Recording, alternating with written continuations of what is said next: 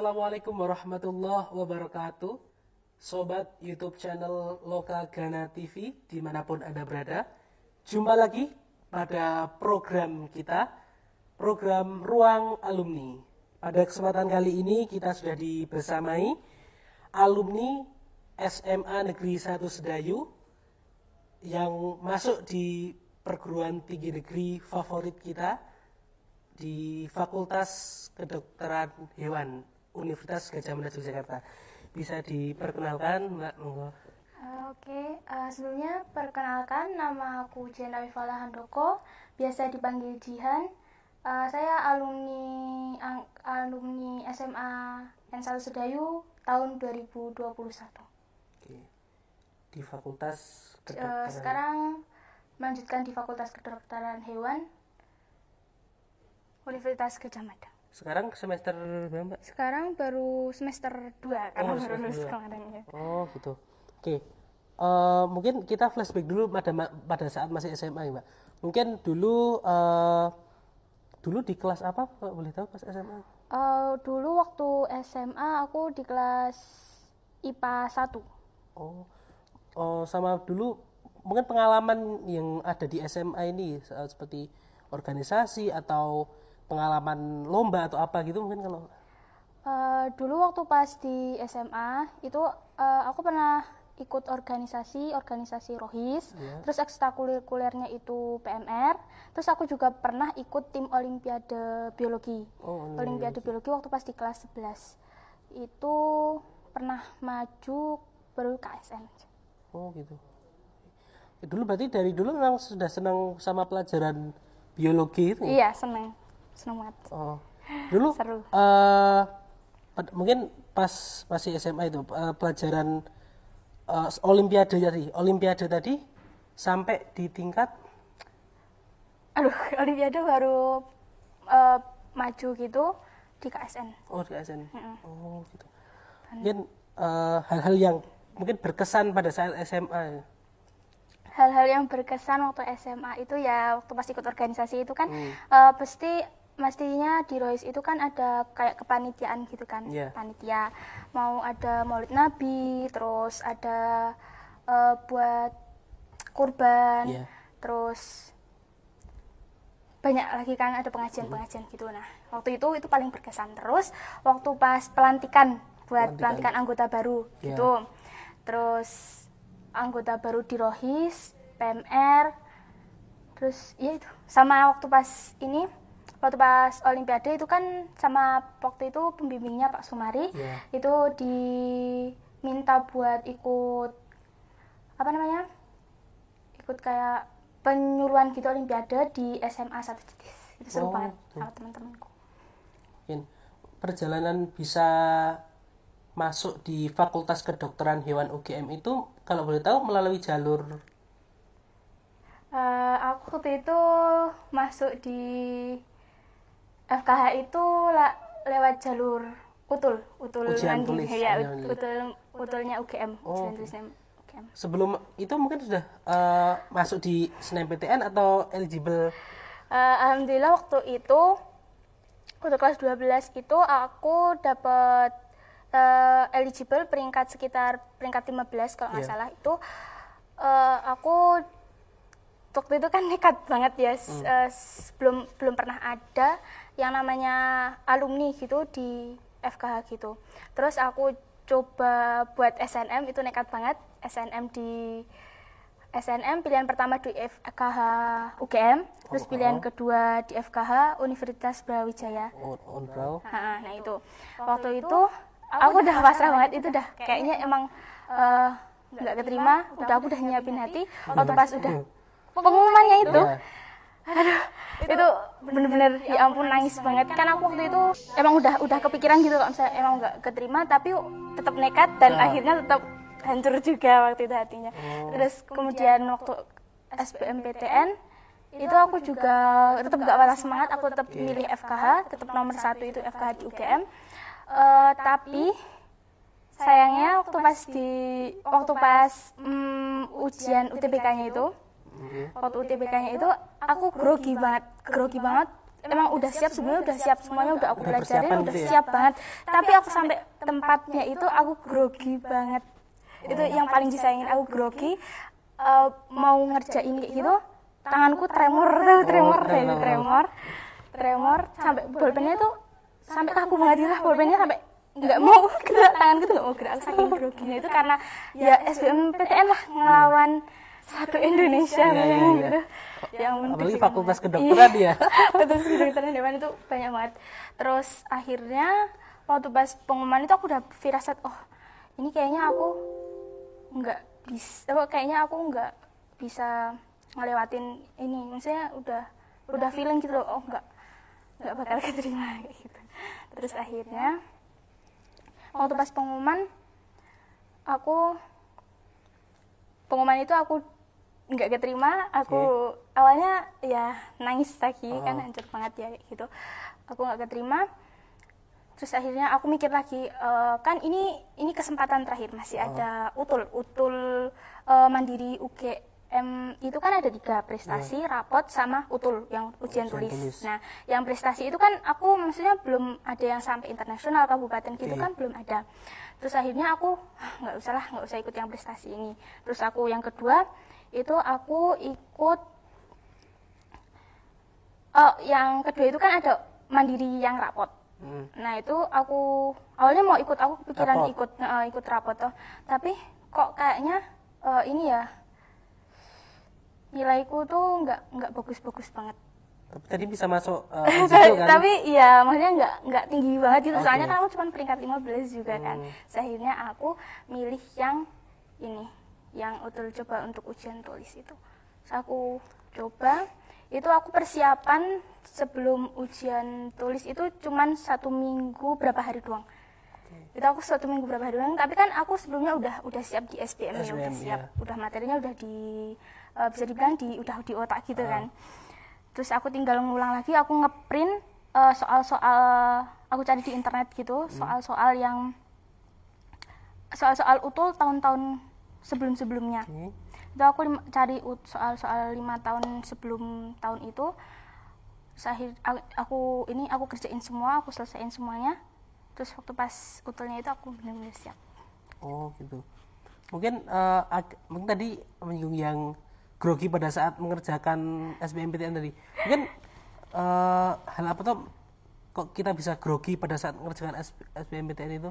eh kurang tahu ya kalau setiap orang-orang grogi kayak gitu kan eh, setiap orang beda-beda ya Iya. groginya kayak gimana kalau aku ini emang orangnya itu grogian banget Oh, grogian. kayak eh gimana ya gitu gitu aduh aduh aku panik gitu lah nah aku nggak bisa pikir santai waktu itu Oh. jadi akhirnya aku grogi banget terus bikin itu cuman kalau eh, ujian itu harus siapin hati harus eh, harus menata harus tetap tetap santai tapi fokus Oh. harus kayak gitu tapi gak boleh grogi gak boleh kayak aduh gimana ini kayak gini Oh, jadi mungkin harus enjoy gitu ya, ya, harus enjoy dan- enjoy tapi tapi fokus. belajarnya juga Iya. harus siap untuk Oke.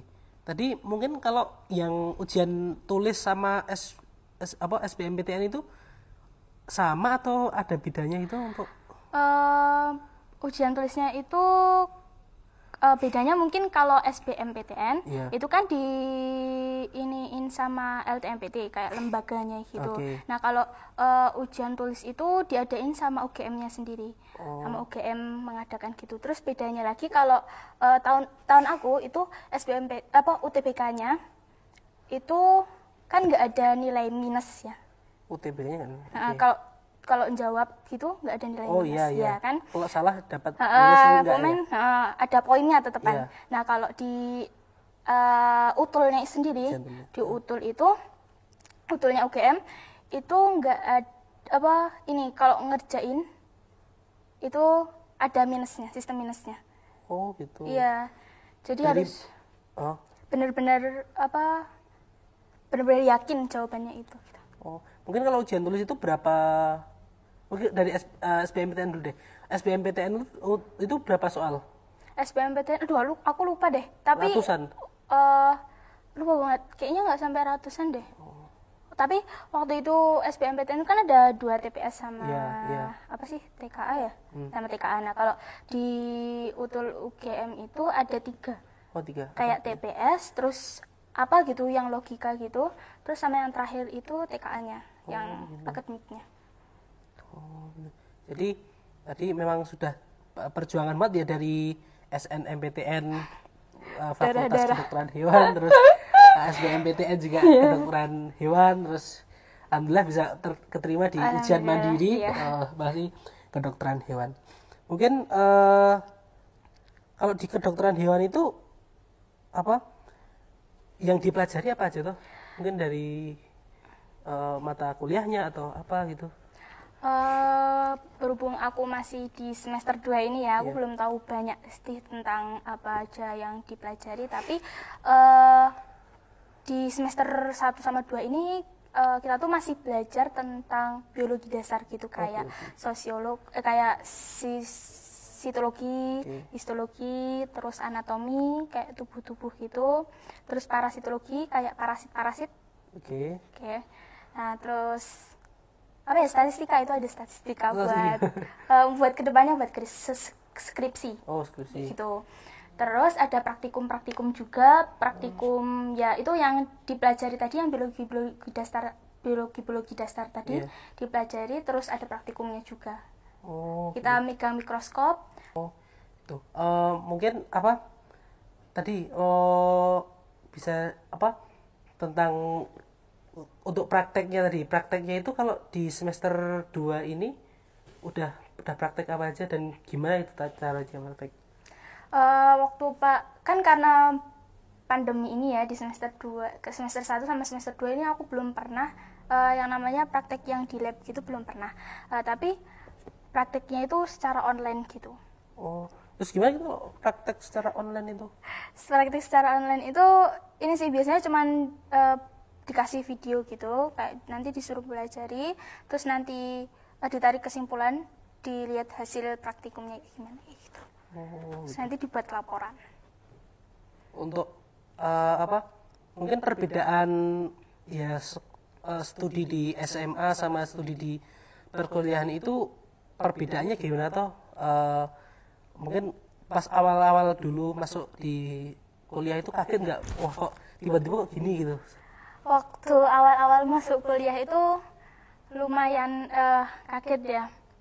Karena eh, waktu sekolah dulu kan bener-bener sama bu guru sama bapak ibu guru itu kan eh, diajarin gitu dibimbing kayak gini kayak gini terus harus belajar bab ini bab ini itu Iya. diajarin satu-satu kayak gitu kan kalau sama ini juga kalau di sekolah ini kan di absen bener-bener di absen gitu Iya, kan iya. ya kan dilihat berangkat apa enggak gitu.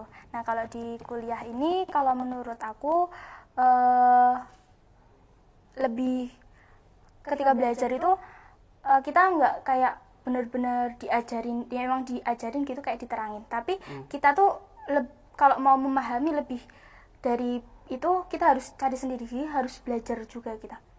oh caranya belajar itu nanti gimana Kalau dari aku ya, itu aku biasanya tanya ke dosennya atau enggak eh, lihat sumber pustakanya. Daftar pustakanya Oh. dari mereka itu pakai apa. Terus kita cari bukunya itu, terus kita buat itu sumbernya itu buat belajar. oh ini bisa cari jadi berarti cari literatur Iya, sendiri gitu ya literatur sendiri benar. Oh, Oke, Oke, mungkin kembali ke awal tadi. Kenapa kok alasan tadi kokoh di Fakultas Kedokteran Hewan itu? Kenapa kok nggak mungkin di Fakultas Kedokteran lain atau gimana gitu? Eh, eh, emang sering ya orang tanya kenapa kok nggak kedokteran umum kenapa nggak Iya. kedokteran gigi gitu kan Eh, kalau aku sendiri kedokteran umum kedokteran gigi itu kan menurutku eh, udah udah sering gitu loh orang cari Iya. udah eh, umum banget udah banyak juga dokter-dokter yang ada gitu Iya. nah kalau kedokteran hewan itu menurut aku karena em, orang itu jarang gitu loh nggak nggak nggak terlalu ini banget maksudnya nggak terlalu minat banget ke FKH ini. Iya. terus sedikit orang yang tahu juga. Terus kemudian aku pernah baca itu lulusan di FKH itu masih sedikit. Yang dibutuhkan Oh. itu setiap tahunnya itu se- sekitar 20.000 ribu kalau nggak salah kalau nggak salah ya. Terus tapi di UGM sendiri itu baru sekitar 500 orang 500 dokter hewan yang lulus. Yang diluluskan dari UGM gitu ya. Mungkin ma- mata kuliah ap- apa apalagi yang mungkin di, dipelajari di fakultas kedokteran hewan itu? Eh, di Fakultas Kedokter- Kedokteran Hewan itu di semester aku waktu semester 1 itu juga ada eh, yang tentang ilmu peternakan. oh Ilmu peternakan itu kayak eh, dasar-dasar waktu pas eh, beternak tuh kayak gimana? Kayak manajemen kandangnya, manajemen ternaknya, manajemen pakannya gitu. oh. Oh, jadi tentang eh, mengelola itu ya Iya, mengelola peternakan. peternakan gitu. Sebenarnya ada praktikumnya juga, cuman waktu itu juga online. Oh, lalu kalau ya sudah di praktikum pada saat ya pandemi dan online itu gimana? Ya itu tadi eh, praktikum saat pandemi kayak gini biasanya eh, dibuatkan video gitu nanti eh, kan kalau praktikum itu ada kakak asisten kakak asistennya itu bakalan buat video eh, di suatu lokasi kayak misalnya di kandang kuda, kandang kambing, kandang unggas kayak gitu. Nanti dijelaskan manajemen manajemennya. Oh, jadi eh tentang apa? Tentang pengelolaan tadi. Iya. Oke. Kan terus seber- seberapa penting nih kalau eh, kuliah di Fakultas Kedokteran Hewan itu mungkin nanti eh, kebe- eh, sisi kebermanfaatannya dan sebagainya itu. Eh, di FKH itu kan em, dia eh, punya moto sendiri ya. Motonya itu eh, manusia meriga satwa sewaka. Manusia? Meriga satwa sewaka. Oke. Nah, itu artinya itu menye- menyejahterakan manusia tapi melalui kesehatan hewan.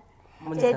Ya, kita menyejahterakan ini si manusia-manusia itu dari kesehatan hewan. Jadi eh, di sebagai dokter hewan itu eh, kita kan kayak memfasilitasi memfasilitasi hewan gitu agar Iya. eh, maksudnya kesehatannya terjaga gitu. Oke. Nah, dari kesehatan hewan ini saat kalau misalnya hewan ini nggak nggak nggak sehat, maksudnya kayak ada penyakit gitu, takutnya ini bakalan ada eh, kayak penyakit yang menular ke manusia. Iya. Nah itu penyakitnya namanya zoonosis.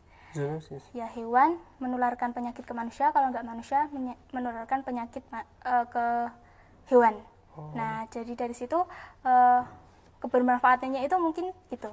Soalnya kan sejahteranya. Oh, mungkin eh, nanti eh, menjaga ya kesehatan hewan dan Iya. ini juga eh, kesehatan berdampak Iya, pada kesehatan benar. manusia ya. Oke, mungkin nanti kalau eh, lulus dari Fakultas Kedokteran Hewan itu selain jadi dokter hewan, itu mungkin jadi apa lagi tuh?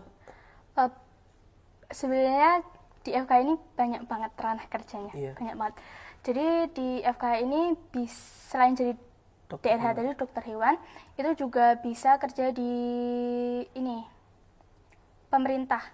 Di pemerintah di Pemerintah di sektor kesehatan bisa, pertanian bisa, peternakan bisa, terus sektor kehutanan, Oh, terus di ini juga sumber se- yang kayak kelestarian oke. terus buat karantina hewan Hmm. itu juga bisa terus di laboratorium Oh. laboratorium terus ada di sebagai pengajar juga bisa. Oh, kayak dosen gitu akademisi bisa. gitu ya. Mm, akademisi. Terus sebagai peternak peternak itu bisa. Terus breeding hewan. Breeding hewan tuh itu? kayak eh, mengawinkan. Misalnya Oh. kalau kucing kucing gitu kan. Kucing misalnya dari kucing ras apa gitu dikawinkan dengan ras apa itu biasanya bisa jadi usaha. Hmm, gitu. selain Jadi kalau eh, di kita sebagai orang awam kan lulusan dari, eh, dari Fakultas Kedokteran ya jadi dokter hewan gitu. Padahal Jadi enggak, itu banyak banget. Masih banyak lagi Iya, ya banyak untuk banget. eh, apa sektor-sektor lain untuk menjadi eh, usaha apa pekerjaannya itu. Mungkin eh, harapan ke depannya setelah mendapatkan ilmu dari Fakultas Kedokteran ini, eh, kedokteran hewan ini eh, dari Mbak Jihan mau melanjutkan di sebagai apa gitu mungkin cita-cita dari kecil aku pengen jadi ini atau aku pengen kerja di kementerian atau apa gitu Oke, kalau dari aku sendiri eh, sebenarnya eh, lihat dari ibu ya sebelumnya. Ibu tuh kan kerja di laboratorium. Nah, dari situ aku jadi pengen cita-citanya jadi di laboratorium juga. Oh, Jadi se- sebagai peneliti gitu iya, laboratorium di kemungkinan BBVET aku pengen ke situ. oh gitu. Oke. Oke, semoga bisa tercapai cita-citanya dan oke. Mungkin eh, mungkin ini di akhir tapi seperti apa ya di mengulang yang tadi. Eh, dari Mbak Jihan ini kan bisa masuk di Fakultas Kedokteran Hewan tadi melalui jalur SNMPTN, melalui jalur SBMPTN dan melalui jalur mandiri. Nah, itu tips belajarnya gimana tuh? Tips belajar mungkin kan bisa masuk di eligible itu kan berarti dari kelas 1 kan dari kelas 10 kan memang belajarnya sudah ya sudah lumayan berarti nilainya bagus itu loh. Ya, lumayan. Mungkin gimana tuh belajarnya itu? Eh, kalau aku sendiri untuk SNMPTN ya terutama untuk teman-teman yang eh, pengen SNMPTN Iya. itu eh, lebih baik disiapin dari kelas 10 ini mau target gitu mau Iya. pengen eh, pengen masuk apa terus nilainya ini jangan turun Oh iya. jadi nilainya ini selalu bagus Eh, maksudnya bagusnya ya bagus tapi naik Iya. jangan turun boleh turun boleh tapi eh, tetap seimbang gitu loh tetap naik ke depannya semester depannya naik naik naik kayak gitu terus yang buat SBMPTN eh, teman-teman harus siap buat belajar sedikit sedikit aja tapi eh, belajarnya sedikit sedikit tapi eh, efisien gitu. Iya. jadi masuk gitu ke otak. Oh, terus jangan grogi waktu ngerjain ujian-ujiannya jangan pernah grogi tetap relax tapi fokus. Terus manfaatin eh, waktu yang ada. Ada. Oke, berarti itu ya eh, strategi belajar untuk ya bisa menempuh per- di masuk di perguruan tinggi negeri. dan tidak patah semangat tadi ya Mbak. Dari mungkin yang mungkin kita nggak lolos di ini tapi di akhirnya kita lolos.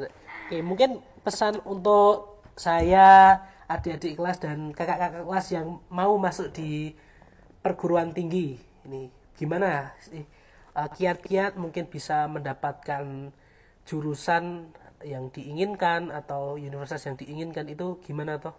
kalau dari aku yang pertama harus ini kon, eh, bukan konsistensi Eh, apa ya percaya gitu yakin Percaya. yakin kalau kita bisa kita bisa buat eh, masuk ke fakultas yang kita pinginin Oke. terus yang kedua belajar pastinya belajar terus yang ketiga kita tuh harus pintar-pintar milih eh, apa sih yang maksudnya berpeluang buat kita masuk gitu berpeluang buat kita masuk sama kita nyetarain kita belajarnya harus kayak gimana biar kita masuk Oh, oke. Oke. Berarti itu ya untuk pesan-pesan dari Mbak Jihan untuk teman-teman semua dan saya dan juga kakak kelas semua yang akan mungkin tahun ini akan masuk di perguruan tinggi negeri eh, semangat untuk mengejar cita-citanya untuk melanjutkan di jenjang perguruan tinggi negeri. Itu ya, Mbak. Terima kasih sudah bergabung di ruang alumni. Semoga eh, diberi kelancaran dalam perkuliahan dan eh, segera bisa lulus. Masih lima tahun ya kayaknya Ya, PR-nya masih panjang. Iya, masih panjang Dan semoga pandemi segera berlalu agar bisa ya praktek tadi ya. amin amin Oke, terima kasih pada pemirsa sudah eh, menonton acara Ruang Alumni. Nantikan Ruang Alumni episode berikutnya. Dari saya apabila banyak kurang dan salahnya mau dimaafkan. Wassalamualaikum warahmatullahi wabarakatuh.